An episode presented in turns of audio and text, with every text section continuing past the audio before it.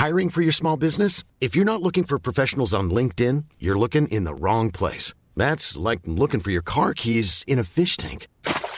LinkedIn helps you hire professionals you can't find anywhere else, even those who aren't actively searching for a new job but might be open to the perfect role. In a given month, over 70% of LinkedIn users don't even visit other leading job sites. So start looking in the right place. With LinkedIn, you can hire professionals like a professional. Post your free job on linkedin.com slash people today.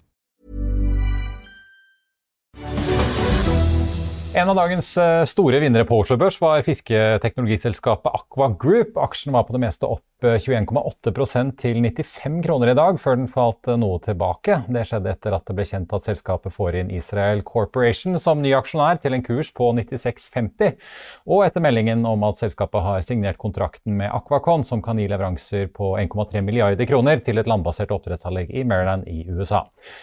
Den israelske investoren blar opp 322 millioner kroner gjennom en emisjon, og kjøper også aksjer av eksisterende eiere for inntil 209 millioner kroner. Knut Nesse i eh, Aqua Group, takk for at du er med oss eh, i dag. Børsaksjen din unnskyld, er jo en av vinnerne på børsen i dag, opp eh, rundt 12% Det kommer jo alltid godt med. Men kan du fortelle først hvordan kom dette samarbeidet med, med Israel Corp i stand, egentlig? Ja, vi, vi fikk kontakt med hverandre for noen måneder siden. Og så har det vært eh, ganske intensivt, i, spesielt de siste tre månedene. Vi har hatt eh, flere fysiske møter.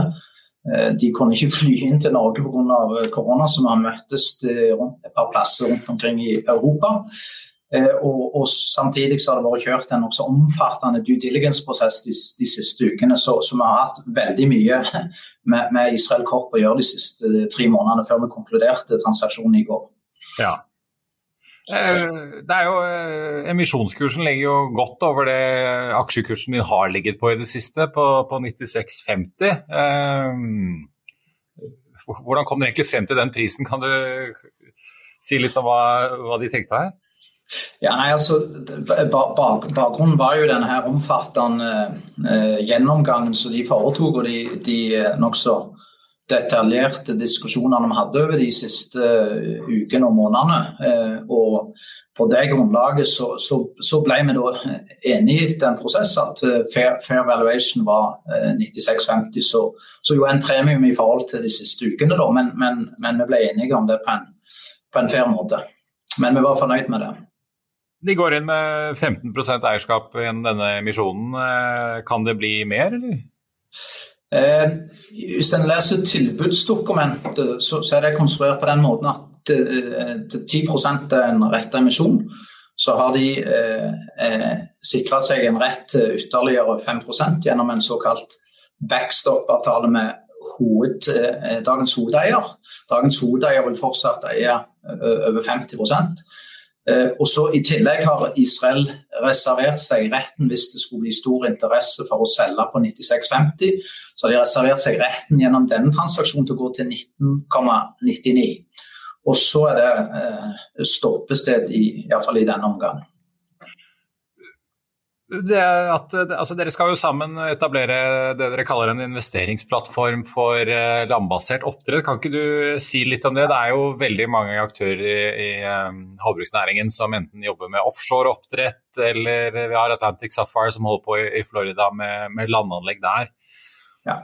Hvor kapitalintensivt er denne satsingen dere går inn på nå? Eh, det, det er veldig kapitalintensivt. Hvis, et eksempel, hvis du skal bygge et anlegg for å produsere 10 000 tonn med laks eh, på land, eh, så må du som en tommefingerregel investere ca. 2 milliarder norske kroner. Så det er veldig kapitalintensivt.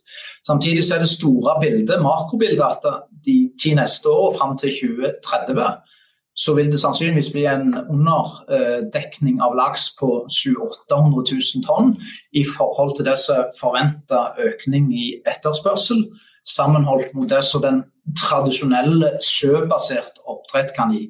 Så det, det, det, er, sånn, det er en supply gap der, eller jeg kaller det window of opportunity, som må dekkes enten med offshore-teknologi eller landbasert, og gjerne fortrinnsvis landbasert anlegg som kommer nærmere konsumenten. Og Da snakker du om i Nord-Amerika, Midtøsten og Asia.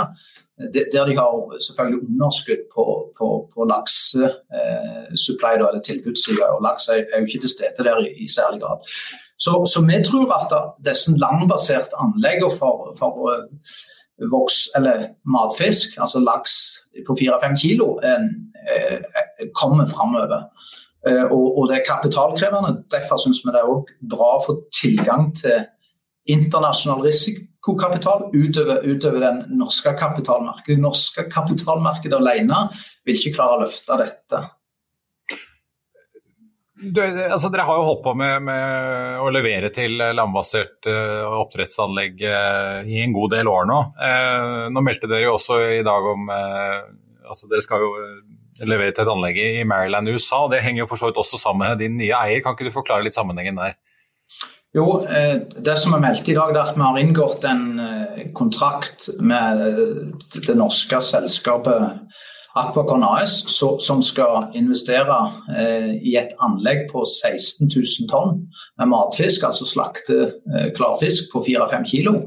Og, og, og, vår kontrakt her er på 150 millioner dollar, og det er vi som skal levere eh, RAS-teknologien, altså resirkuleringsteknologien som en trenger for, for, å kunne produsere fisk eh, på land. Så det er jo en, den absolutt største kontrakten i, i, vår historie. Den forrige var på 500 millioner, så det er jo en eh, jeg kan ha sagt en gledens dag i, i, i vårt selskap i dag.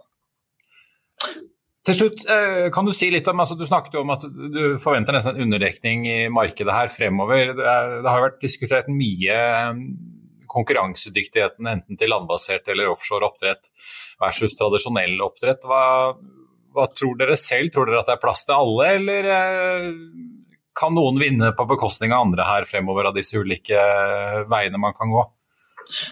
Jeg er personlig overbevist om at i, i tiårsbildet eh, så er det plass til eh, alle. Og, og det skyldes at eh, vi antar en etterspørselvekst på 5 årlig. Og det klarer ikke dagens sjøbaserte oppdrett i, i Norge og, og, og Chile holde tritt med. Derfor så blir det en underdekning på så mye som 700 000 tonn eh, inn, inn, mot 2030. Og, og, og, landbasert vil klare en del, men, men faktisk ikke så mye. Så, så vi, vi, mener bestemt det er rom for de ulike eh, produksjons- og teknologiplattformene i et tiårsperspektiv.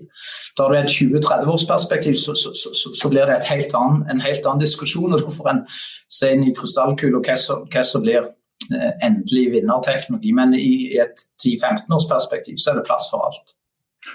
Knut Esse i Akorup, takk skal du ha. Jo, hyggelig. Takk for at jeg fikk komme. Økonominyhetene er en podkast fra Finansavisen. Programledere er Marius Lorentzen, Stein Ove Haugen og Benedikte Storm Bamvik. Produsenter er Lars Brenden Skram og Bashar Johar.